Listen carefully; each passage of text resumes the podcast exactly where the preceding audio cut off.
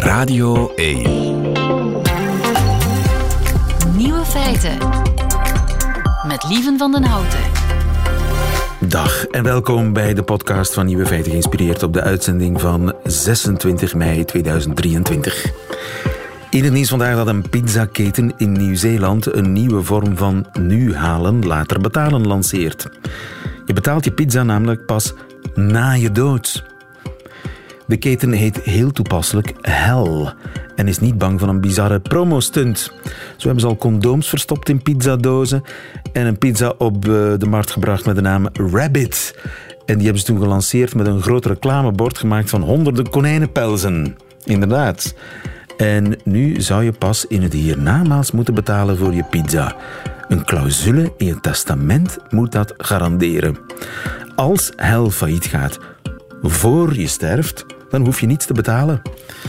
De mens zou zich beginnen afvragen wat zit er in die pizza's. De andere nieuwe feiten vandaag. 40% van de Duitse mannen plast zittend. Hebben ze gelijk? Motten hebben last van lichtvervuiling. Annelies Bontjes, Nederlands journalist in Brussel, ontdekt het vuilzakkensysteem van België. En of het waar is dat er door Taylor Swift ingeademde lucht online te koop is, ontdekt u in de vrijdagquiz. Jovan Castiel, haar uh, nieuwe feiten hoort u in haar middagjournaal. Veel plezier. Nieuwe feiten. Radio 1. Staan of zitten bij het plassen? Die vraag is gesteld aan mannen uit 13 verschillende landen, waaronder helaas niet België. Maar de resultaten zijn verrassend. Piet Hoebeke, goedemiddag. Goedemiddag, lieve. Uroloog aan de Universiteit van Gent, decaan van de Geneeskundefaculteit toch nog altijd. Dat klopt, ook, ja. ja. dat klopt, dat klopt, ja. Eh, de uitslag van de staan of zitten enquête, ik weet niet eh, hoe wetenschappelijk ze is, ik neem aan dat ze niet zo wetenschappelijk is, maar het is toch interessant. Op de derde plaats met 19% zitters, dat zijn mensen die altijd zitten voor het plassen, mannen, Denemarken. Op twee Zweden, 22%. Maar de kampioenzitters zijn de Duitsers. 40% van de Duitse mannen gaat ervoor zitten. Juicht u dat toe? Ja, het zijn slimme mannen, hè, lieven. Ik denk dat het uh, gewoon belangrijk is dat men weet dat zittend plassen de meest natuurlijke manier is om te plassen. Ik zeg altijd, ga naar de andere primaten, zijn de gorilla's, chimpansees, bonobo's. Geen één staat recht om te plassen. Hè. Zij blijven allemaal in hurkzit zitten. Trouwens, als je wereldwijd gaat kijken, zijn veel volkeren waar het nog altijd in hurk zit. In Azië, Indië zijn er veel, veel mannen die gewoon in hurk zitten gaan plassen. Hè. Dus, de, dus, natuurlijke, de natuurlijke uh, plashouding ook voor mannen, is hurken, zitten. Ja, op een Frans toilet zou ideaal zijn, maar ik weet hoeveel afkeer mensen daarvan hebben natuurlijk. Hè. Nu, het heeft gewoon te maken met het feit dat in hurk zit de bekkenbodem, die een spier is die onderaan alles afsluit, dat die meest ontspannen is, dat het sluitspier best kan opengaan, zodat de urine er onbelemmerd kan uitlopen. Hè. Dat is eigenlijk het, het, het, het fysiologisch mechanisme eronder. Maar het is ook zo dat uh, in hurk zit, uh, valt de urinestraal net op een hoogte waarop ze niet begint op te spatten. Hè? Want uh, als je staat te plassen tegen een boom, laten we maar zeggen, ja, men heeft dat getest door mannen blauwe inkt te laten plassen. Ja, als je blauwe inkt plast in een, in een urinoir, ben je blauw van je neus tot aan je knieën. Hè? Dus ja, er ontstaat een enorme spraywalk van urine die, die om je heen zit. Hè? Dus je, je sluizen gaan makkelijker open door te gaan zitten. Je, je blaas is leger. Wat, wat is het? En, en, je spat niet, of je spat veel minder. Ja, uh, klopt. Maar wat is dan precies het? Is er een medisch nadeel aan die blaas die niet helemaal leeg is? Ja, kijk, als je als je geen problemen hebt, is er ook geen probleem met staandplassen. Maar als je problemen begint te krijgen, neem maar beginnende prostaatproblemen, dan is de straal sowieso wat minder. En als je dan staat te plassen, ja, dan, gaat die, dan ga je op je schoenen druppelen. Hè. Dan, dan, dan begin je te druppen in plaats van uh, een goede straal te hebben. En bijvoorbeeld voor kinderen die, die al soms slecht plassen, is het ook altijd aan. Wij, bevelen altijd aan voor kinderen met plasproblemen om zitten te plassen hè, en met de voetjes gesteund. Dat is eigenlijk de meest nabij, wat dichtst bij de hurkhouding zit, om op de beste manier ontspannen te kunnen plassen. Ja, want als er dingen overblijven, dat kan ontsteken en zo. Als je ja, ja. Niet helemaal... die leegplassen is een issue. Dat is inderdaad, dan, want er komen altijd bacteriën in de blaas en je verdedigt je blaas door altijd maar leeg te plassen. Als je niet meer leeg plast, ja, dan hebben de bacteriën een feest en dan bouwen ze een familie en dan heb je een blaasontsteking. Hè, dus dan, dan kan het beginnen. Dus levensgevaarlijk is het niet, maar het, het is gewoon, ja, waarom doen we niet uh, de dingen zoals ze gemaakt, waarvoor ze gemaakt zijn? Ja, het is, en de plasindustrie probeert men dat dan op te lossen door in urinoirs vliegjes te kleven, omdat de urinestraal dan op de juiste hoek binnenkomt en dan spat die minder op. Hè. Dat is de, de reden waarom die vliegjes op die urinoirs staan, om het spatten te verminderen. Hè. Maar ja, eigenlijk zijn urinoirs ja, niet echt de ideale toiletten. Je, je, je hebt beter een, een hurk of een zettoilet. Ja. Enig idee waarom de Duitsers er, zo goed in zijn, in zittend plassen? Ze hebben er zelfs een woord voor, hè? Ja, ja, zitspinkler. En, en het, is ook een schel, het is ook een scheldwoord. Ja. Men, men, maakt er soms wel een mitje van. Ja, maar dat heeft natuurlijk helemaal, helemaal niks met elkaar te maken. Maar ja, het zal misschien te maken hebben met de infrastructuur. Want de landen waar bijvoorbeeld hurkend geplast wordt. Ik ben zelf vaak in Cambodja geweest. Ja, in Cambodja zijn er bijna geen urinoirs. Dus mannen gaan gewoon hurkend plassen hè, in de natuur. Hè. Dus misschien hebben de Duitsers heel veel urinoirs, heel veel toiletten, sorry. Uh, waardoor zij uh, makkelijker naar het toilet gaan om te plassen. Dan hebben ze misschien minder urinoirs, moet ik dan zeggen. Ja. Maar ik weet het niet, ik ken de Duitse situatie niet. Ja. Maar die Duitse mannen doen het niet zo, niet zo dom. Die zijn eigenlijk wel verstandig om, om zitten te plassen. Piet Hobeke, dankjewel. Goedemiddag. Fijne dag, lieven. Dag. Nieuwe feiten. De ontdekking van België. Met Annelies Bontjes, helemaal uitgerust en fris terug van vakantie. Ja, zo is het. En je ontdekkingstocht is herbegonnen. Ja, is natuurlijk van alles veranderd. Ik ben een tijdje weg geweest en uh, het moet weer helemaal opnieuw beginnen. Wat is de shock deze week geweest? Ja, dan? nou, we moeten het even hebben over afval. Lieve. Afval. Ja, want... want... ik moet nog even voor mensen die oh, ja. nog niet uh, begrepen hebben. Annelies Bontjes is journaliste voor een Nederlandse krant. Trouw, woont in Brussel en ontdekt week na week nieuwe dingen aan ons land. Komt daarover vertellen. Ja, Annelies. nou, en ik ben even op vakantie geweest en ik kom terug en uh, alles is anders. Want ik wilde mijn afval aan de weg zetten uh, voor de deur, zoals je dat elke week doet. En ik had dat gedaan en de volgende dag stond die zak er nog steeds. En er zat een sticker op. Ja, dat ik hem weer naar binnen moest halen. Foei, foei, foei. Ja, dus ik dacht, wat is dit nou? Ik, uh, ik heb de wet gebroken. Blijkt dat er een nieuwe regeling is in Brussel. Een nieuwe afvalophaalkalender. Nou, drama. Want ik was niet de enige die die boodschap even had gemist door de, hele, door de hele stad staan denk ik wel duizenden zakken. Dat is echt niet overdreven. En niet alleen maar die witte zakken, maar er is in de tussentijd ook nog een nieuwe zak bijgekomen. Een oranje zak. Dus het is één grote regenboog. Overal staan zakken. En uh, ja, en ik en heb is dan ook dat nog... per gemeente anders geregeld? Of is dat in heel Brussel hetzelfde? Het is Weet per gemeente anders. Het is ja. dus per, uh, per wijk Er zijn anders. 19 gemeenten. Er zijn 19 gemeenten en het is in elke gemeente anders. En het is binnen de gemeente zijn er ook nog verschillen. Ja, dus het is compleet onduidelijk. En dan, uh, nou ja, als je echt een pineut bent, dat is ongeveer 3%. Die heeft nog maar een heel klein window uh, om die zak buiten te zetten. En daar val ik onder. Dus ik mag alleen nog op zondagavond en woensdagavond alleen tussen 6 en 8 uur s avonds de zak buiten zetten. Ja. Nou ja. Ja, dat is dus die nieuwe regeling. Ja, dat is om, uh, om, het, om het functioneler te maken, om de zakken minder lang op straat te laten staan. Uiteindelijk om te voorkomen dat die misschien opengescheurd worden en dat de stad zo vies is. Um, en ik moet zeggen, dat heeft toch wel mijn hele relatie met de afvalophaling een beetje verstoord. Want eigenlijk was ik ontzettend fan van het systeem hier. Is dat dan zo anders in uh, waar je daar, daarvoor woonde je in Amsterdam? Klopt. Ja, het is heel anders dan in Amsterdam. Ja, toen ik hier net kwam wonen, was ik eigenlijk heel blij dat ik gewoon heel makkelijk mijn zak gewoon voor de deur kon zetten. Want in Amsterdam um, mag, mag, dat, dat niet. niet. Nee. Nee, in Amsterdam heb je ondergrondse vuilcontainers waar je die zak naartoe moet brengen. Um, ondergrondse vuilcontainers? Ja, dus die doe je dan in een container en dan onder de grond worden al die zakken verzameld. Um, dus je moet je verplaatsen met, met, met, met je bakfiets of zo, met je zak? nee, ja, er zijn er heel veel door de hele stad. Dus je moet gewoon, ja, als je pech hebt, een paar honderd meter lopen. Maar dat kan ook wel dichterbij zijn. Maar inderdaad, dat was... Dan moet je die in, in een koker dumpen of In zo? een koker, ja. En die gaat dan onder de grond. Ja, en dan heb je verschillende voor papier. Uh, je had er ook een voor plastic of een bak voor plastic. Die is uiteindelijk weggehaald. Omdat het plastic er later met een sorteermachine dus wordt uitgehaald. Wordt niet voor glas. opgehaald? Het wordt, nee, het wordt niet opgehaald voor de deur. Nee. Dus toen ik hier in Brussel kwam wonen, dacht ik, dat is mooi, lekker makkelijk. Ik kan hem gewoon voor de deur zetten. Een luxe. Ja, en niet alleen dat, want het systeem in Amsterdam is eigenlijk ook best oneerlijk voor alleenstaande zoals ik. Want je betaalt afvalstoffenheffing en die gaat per adres. En ik woon, ik woonde alleen, ik woon nog steeds alleen. En dan betaal je naar verhouding eigenlijk veel meer. Dat is niet eerlijk. En dat is niet eerlijk. Nee, en toen Dus kwam ik leven hier... België. Leven België, want ik kwam hier in Brussel en dan moet je gewoon geld betalen voor de afvalzakken die je koopt. Dus je betaalt echt voor wat je verbruikt. Nou, dus eigenlijk was ik ontzettend fan. Maar ja, dat is dus nu helemaal veranderd. Ja. En dat is eigenlijk de schuld van de communicatie. Eh, het is deels een communicatieprobleem, ja. Eh, Maar ook dat je maar eh, in een heel beperkt, op een heel beperkt tijdstip je zak kunt buiten Ja, dat is natuurlijk een beetje raar. En dan zegt, en dan zegt eh, de beheerder zegt dan, ja, dan moet je maar de buren vragen om jouw zak even buiten te zetten. Ja, dat, is, dat vind ik natuurlijk niet echt een oplossing eigenlijk. En wat ook wel zo is, is dat ik inmiddels heb begrepen dat in bepaalde gemeentes in de zomer dan minder vaak afval wordt opgehaald, maar één keer per week.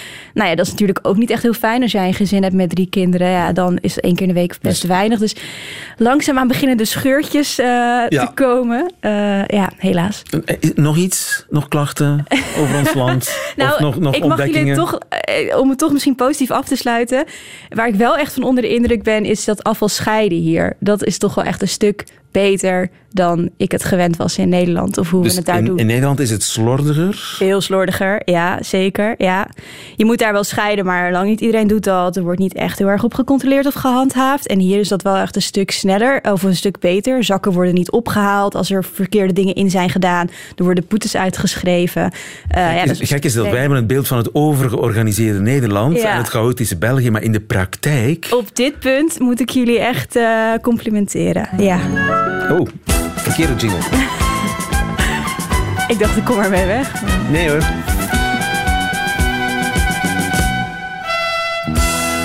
Examen Vlaams. Je komt er niet mee weg. We gaan jou een bikkelhard examen Vlaams voorleggen. Na enkele weken afwezigheid ja, ben ik eh, zwaar nieuwsgierig in hoe, hoe, hoe jouw Vlaams is. Ja, ik ook. Wat is een containerpark? Eh, ja, dat is de, plek waar de afvalcontainers dan staan.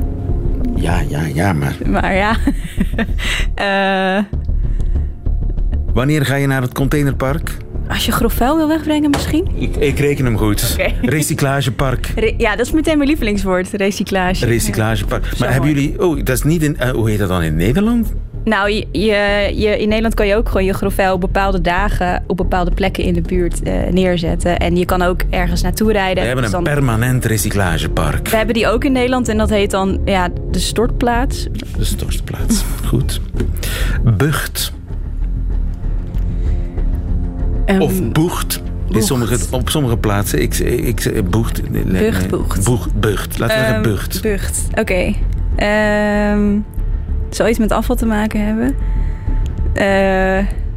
Poeh. en, in wat voor context gebruik je dat? Dat is bucht. Onzin of zo? Ja, half puntje. Rommel. Bucht rommel. Is, bucht Oh is ja, rommel. oké. Bucht is wat je in vuilniszakken stopt. Of waarmee je naar het containerpark rijdt. Dat is bucht. Je de weg. In de... Rommel. Maar ik, kan het ook overdrachtelijk gebruiken voor eh, slecht eten. Oh, dat is bucht. Dat is rommel. Oh. oké, leuk. Isomo. Ja, dat weet ik. Dat weet ik. Dat is... ehm, Zeg het toch maar. Ja, dat weet ik. Dat, eh, goh, ehm, piepschuim. Ja! Amai, ik, ik, ik, amai, ik zeg amai, Amai. Want ik ben onder de indruk. Vier op mij. Ik ben echt trots op je. Vier op jou. Ik ben trots op je. Isomo komt van Isolation Moderne. Was dat ooit? Ik denk Ah. een, merknaam. Dus, Prachtig. ja, piepschuim is Ja. in Vlaanderen Isomo. Dat maakt het wel logischer. Ik dacht, waar komt het vandaan? Dus ik ben wel toch blij dat je me dat even hebt eh geleerd. Zeer gefeliciteerd. Merci.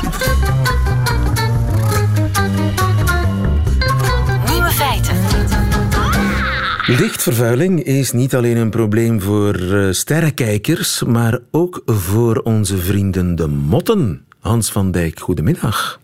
Hey, goedemiddag, lieve. Hans, jij bent eh, gedragsbioloog aan de Universiteit van Louvain-la-Neuve. En eh, het zijn collega's van jou aan de VUB, meer bepaald Thomas Merks. die heb ik horen zeggen liever niet op de radio wil. Die daar onderzoek naar heeft gedaan. Naar de invloed van lichtvervuiling op motten. Ja, ik werk al heel lang samen met Thomas Hoor, maar sinds kort heeft hij zijn eigen laboratorium aan de VUB en doet hij ook nog steeds schitterend werk. En dit is een studie waar ik zelf niks mee te maken heb, maar ik, ik kan het wel uh, graag voor jullie uh, duiden. Graag. Uh, hij, heeft, ja. hij, zou experimenten gedaan hebben met de kalverspanner. Ik had daar nog nooit de van gehoord. Klaverspanner. De klaverspanner. Kalverspanner had ook. Ja, landbouw is alomtegenwoordig, lieve. Maar... Klaverspanner. Oké, okay. ja, en wat is de klaverspanner? Ja, dat is dus een, een mot, een, een nachtvlinder met een mooi uh, blokkig patroon, met wat bruin, wat geel, wat mooie tinten. Niet zo kleurrijk als vaak vele dagvlinders, maar oh, je kan hem overdag ook wel eens ergens in de vegetatie zien. Maar ze vliegen vooral s'nachts. S'nachts en overdag. Maar hier, als je denkt nacht, lichtvervuiling en motten, dan denk je aan verhalen van of ze naar de lamp vliegen en zo verder. Ja, ja, ja, maar hier heeft Thomas en zijn club van buitenlandse experten, collega's, vooral gaan kijken naar de rupsen. Want lichtvervuiling is dus niet alleen een issue, dus een probleem voor die volwassen vlinders. Ook als ze in een larvenstadium, als baby's zijn, speelt licht een grote rol. Niet alleen voor motten trouwens. Donker en licht, die cyclus van duisternis en licht, is eigenlijk voor alle levensvormen, gaat het nu over een plant, een vogel, een bacterie, een celletje links of rechts, of dus een, een rups, een mot, van belang. Hun levenscyclus wordt afgestemd normaal dieren die overdag actief zijn gaan s'nachts slapen en vice versa, omgekeerd. Die cyclus van rust en activiteit, van licht en duisternis is o zo belangrijk. Ja, en als wij daarmee gaan spelen met al onze lampen en, en met de lichtvervuiling die alomtegenwoordig is, dan brengt dat die cyclus in de war. Ja, en je kan zeggen, maar goed, die rups die ergens zit in een houtkant, een heel eind van een straat, die straatlamp, dat, dat komt zover niet. Wel, uiteindelijk gaat het niet alleen om die lichtpunten buiten, die heel veel zijn, want als u de nachtelijke beelden van Vlaanderen en Nederland bekijkt, u moet niet lang zoeken. Hè. U ja. ziet de gloed die we allemaal hebben met die lampen en straatverlichting en noem maar op. Vlaanderen is, is zichtbaar vanuit de ruimte. Ja hoor, vooral s'nachts zien we ons gloeien en glanzen. Dus dat uh, is een echt toch wel een groot probleem. Dat is maar die, die, die, die, rups in de houtkant heeft daar last van. Hoezo? Ja, omdat het gaat dus niet alleen om dat lichtpunt op een heel eindje daar vandaan, maar al die lichtpunten samen worden weerkaatst en je krijgt een soort diffuus, dat heet skyglow. Dus dat is de heel, het hele oppervlak of de hele hemel wordt verlicht. En mhm. zeker als er wolken zijn, weerkaatst dat. Dus eigenlijk zie je dat al die lichtpuntjes samen weerkaatsen tot een opgelichte, witte, gelige gloed in de hemel, aan de hemel. Ja, het is een beetje minder donker.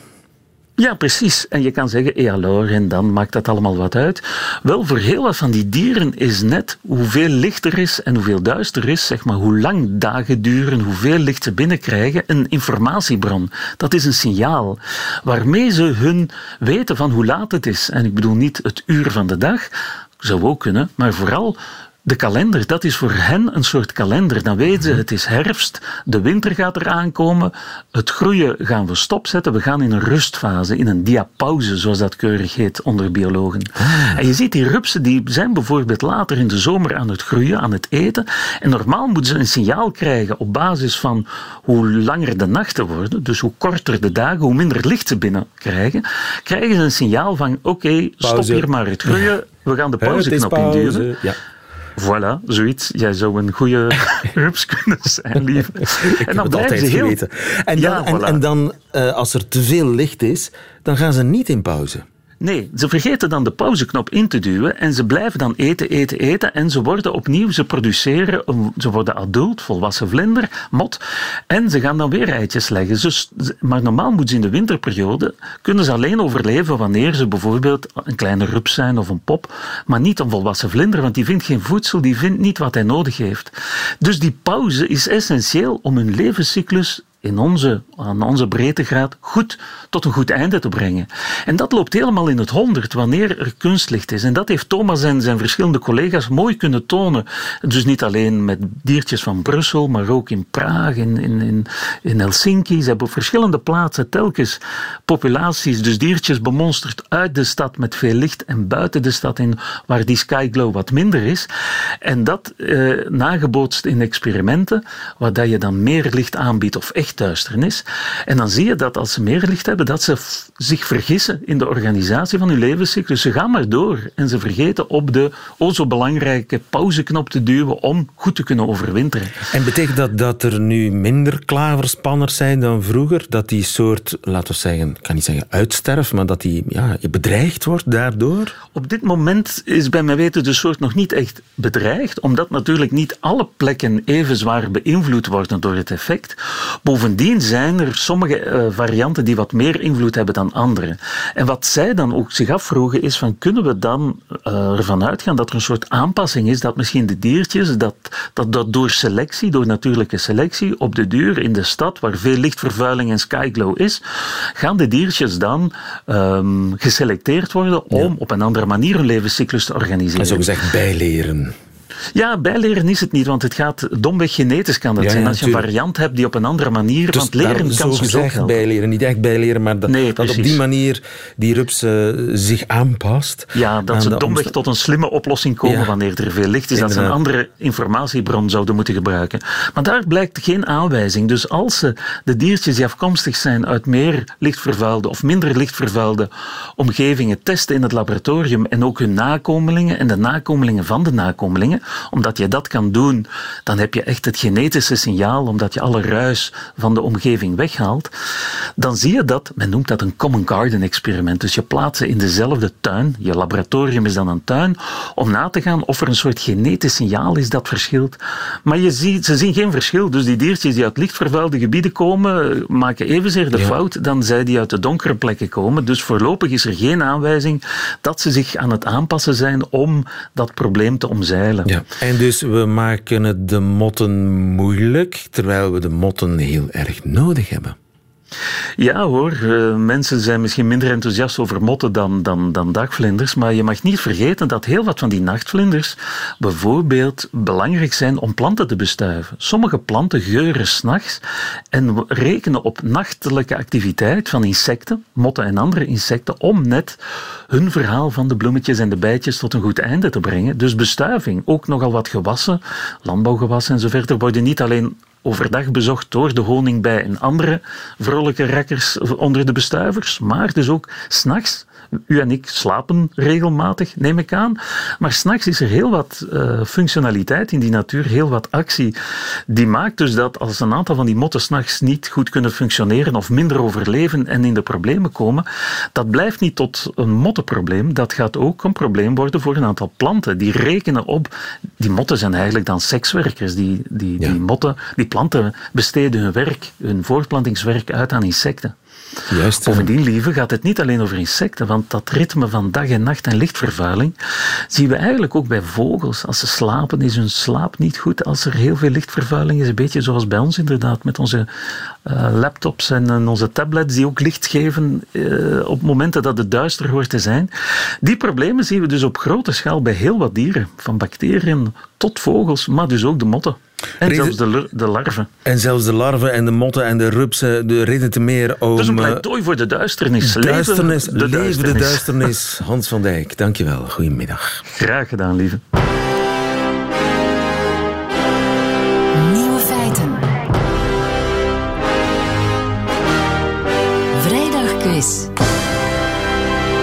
Het moment van uh, bittere ernst is aangebroken, zoals elke vrijdag rond dit tijdstip. Niet met Gilles Wijkmans, want waar is Gilles naartoe? Vakantie zeker, hè? Vakantie. Vakantie. Lang weekend. Lang weekend, uh, maar Gilles wordt waargenomen door Matthias. Hallo. Goedemiddag, Matthias hey. Dont, die deze week, uh, vandaag... Uh, zowel de jury als de samensteller is van de Nieuwe Feiten Quiz. We spelen voor een boekenbon van 25 euro te, verzekeren, te verzilveren bij de onafhankelijke boekhandelaar. Aangesloten bij Confituur. En we spelen met Rashid. Goedemiddag, Rashid. Goedemiddag. Rashid uit Lokeren, waar was je mee bezig? Wat was je aan het doen? Ik ben uh, momenteel op de baan. Ik heb me wel aan de zijkant gezet, maar ik ben om je bent op de baan. Ik hoop, ik hoop dat je er nog bent, Rashid. Ja, ja, ja mijn excuses. Ja, nu horen, we, nu horen we jou beter. En waarom was je op de baan? Wat ben je aan het doen? Uh, ik heb een, een eigen bedrijf uh, en uh, ja, ik, doe klantenbezoeken en leveringen. Van wat, als we zo nieuwsgierig mogen zijn, Rashid? Kachelpijpen? Eh, zeker en vast. Eh, van handgemaakte tegels, de zeliges. Mooi. Mooi, mooi. Rashid, je speelt tegen Hilde. Goedemiddag, Hilde. Dag lieve, goedemiddag. Hilde, jij woont in Bredene. Prachtig, Inderdaad. Weer, prachtig weer aan de kust, neem ik aan. Vandaag nogal winderig, maar ik hoop dat dat overgaat met het weekend. En waar, waar was jij Ja, maar wel een mooi zonnetje. Mooi zonnetje, dus jij bent daarvan aan het genieten, neem ik aan. Vandaag niet te veel, niet te druk. Klein beetje. Ik ben nog aan het chillen met verlof deze week, dus Goed, ik ga om mee te quizzen. jullie kennis eh, testen van vier nieuwe feiten. Eh, begin bij Rashid, die zich eerst heeft gemeld. En zolang hij juist antwoordt, blijft hij aan de beurt. Bij een fout antwoord gaat de beurt naar Hilde. En wie het laatste nieuwe feit goed kent, die wint deze quiz.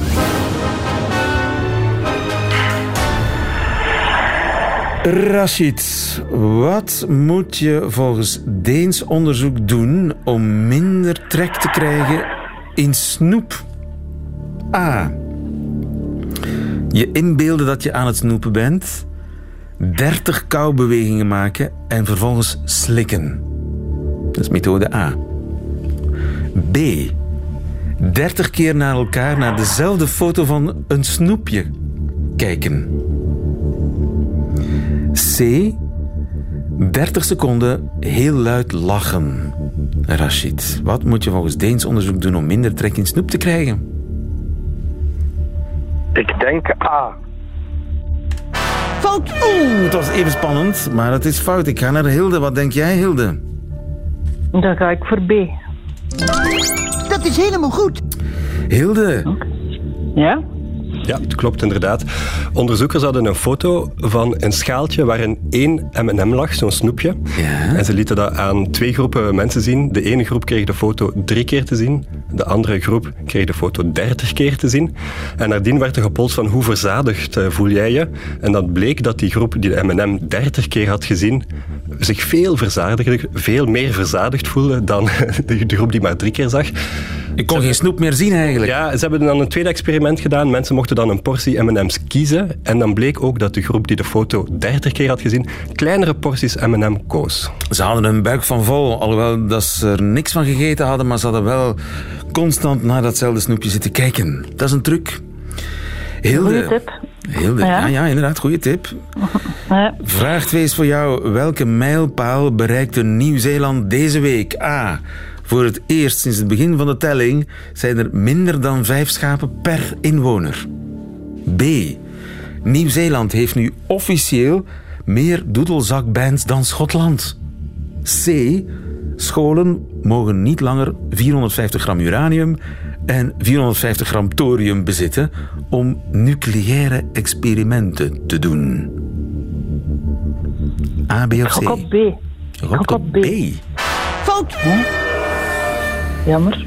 Ja, Rashid, eh, we komen weer bij jou terecht.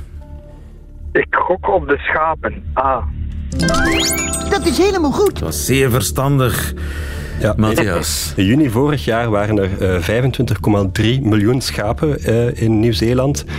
En met een bevolking van 5,15 miljoen mensen zorgde dat voor de laagste verhouding tussen schapen en mensen sinds 1850, eh, toen ze de schapenpopulatie voor het eh, eerst geteld hebben. Dus de schaap-mens-verhouding is voor het eerst Ja, onder- in- de vijf gezakt. In 1982 waren er nog 22 schapen per inwoner. Eh, maar enfin, samengevat komt erop neer dat schapenhouden economisch steeds minder voordelig is, omdat de prijs van wol gedaald is. De prijs van hout bijvoorbeeld toegenomen is. Dus is het minder voordelig om grond vrij te maken voor schapen. Ja, maar dat, is- dat, dat betekent dat die, die, die scholen eh, mogen wel nog 450 gram uranium en 450 gram thorium bezitten. Dus er is, er is een bizarre eh, atoomenergiewet eh, gestemd in 1945 die elke middelbare school toelaat om dus eh, 450 gram uranium en 450 gram thorium ehm, in bezit te hebben om te experimenteren.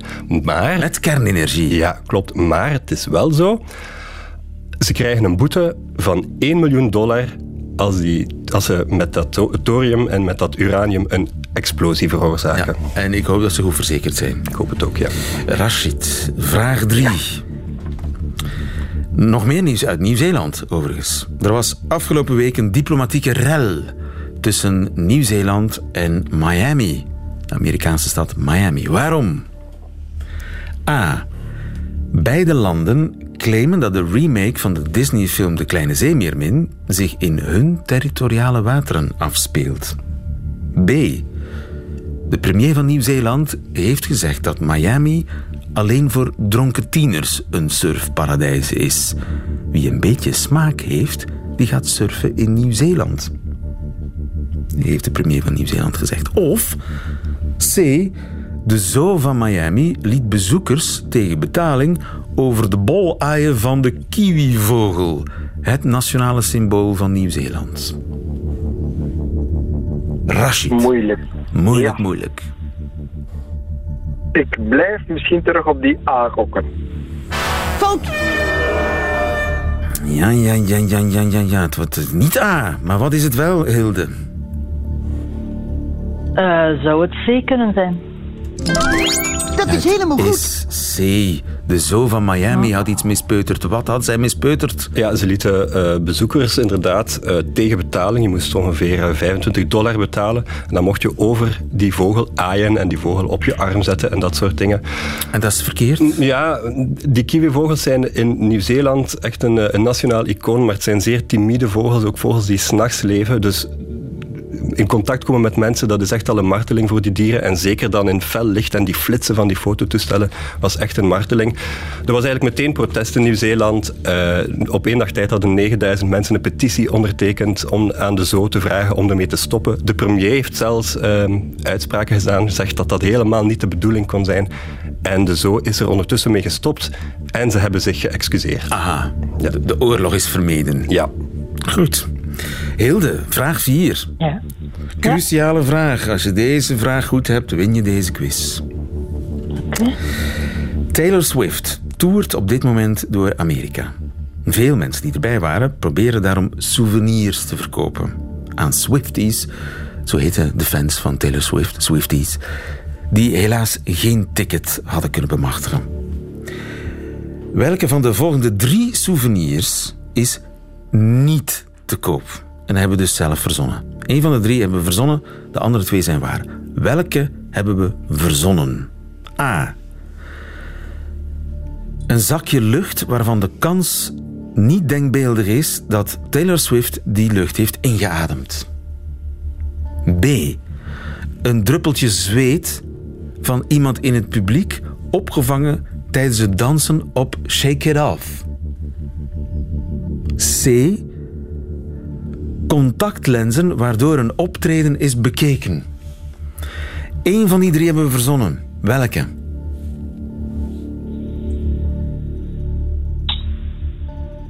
Spanning stijgt in Bredene. Ja.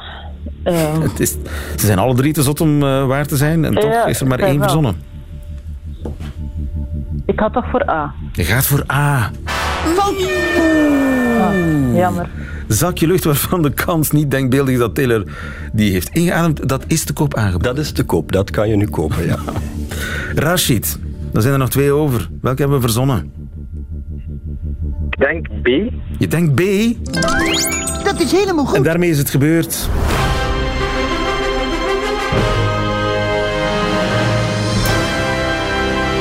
Gefeliciteerd, eh Rashid, want die zweetdruppel die hadden we inderdaad verzonnen. Die hadden we verzonnen, maar dus inderdaad, er is ook iemand die zijn contactlenzen verkoopt, die die, die, die in had tijdens een concert van Taylor Swift. Er zijn nog wel meer eh, rare dingen te koop. Iemand biedt een selectie van 10 stuks confetti aan voor 18 dollar.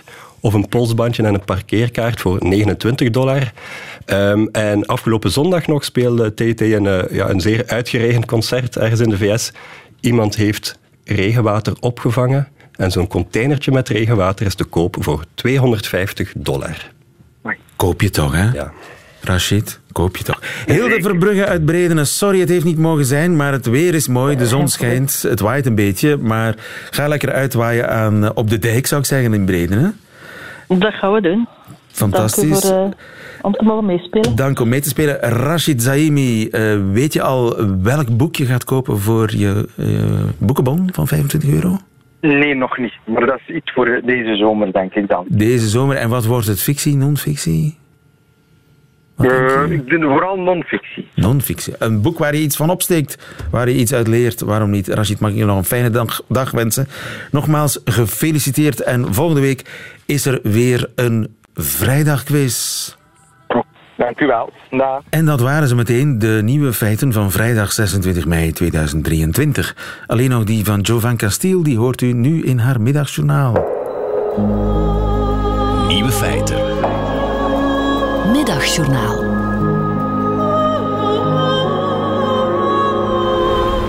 Goedemiddag. Ik ben al lange tijd fan van de tiny house beweging. Dat is een trend waarin mensen wonen in een zo klein mogelijk huisje en daarna gaan ze erover praten op YouTube. Jaren geleden, toen ik een arme comedian in Londen was, woonde ik in een appartement dat zo klein was dat als je de slaapzetel uitklapte, het niet meer mogelijk was om de voordeur te openen.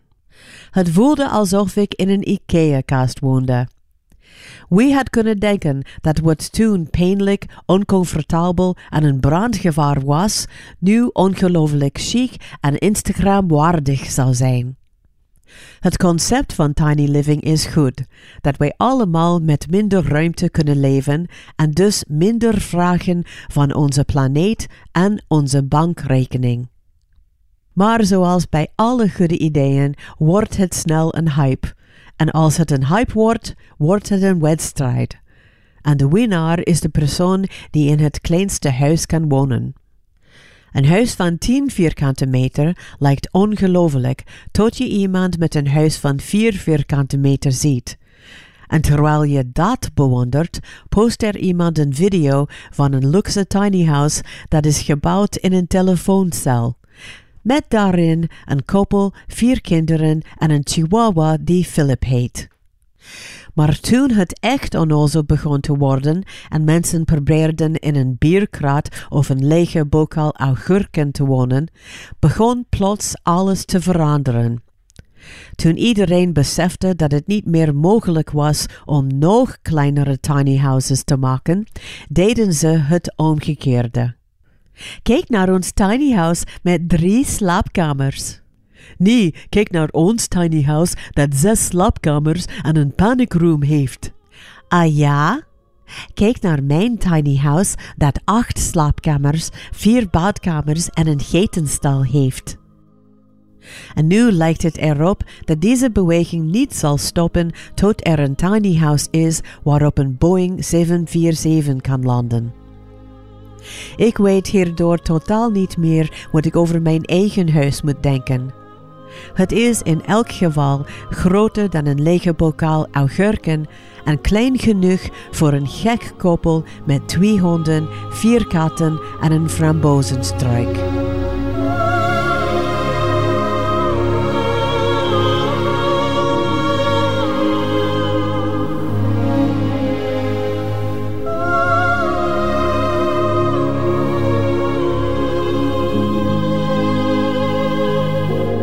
Het middagjournaal met uh, Joe Vanka. Stil, einde van deze podcast. Hoort u liever de volledige nieuwe feiten met de muziek erbij? Dat kan natuurlijk live elke werkdag tussen 12 en 1 op Radio 1 of on demand via de Radio 1 website of app. Tot een volgende keer.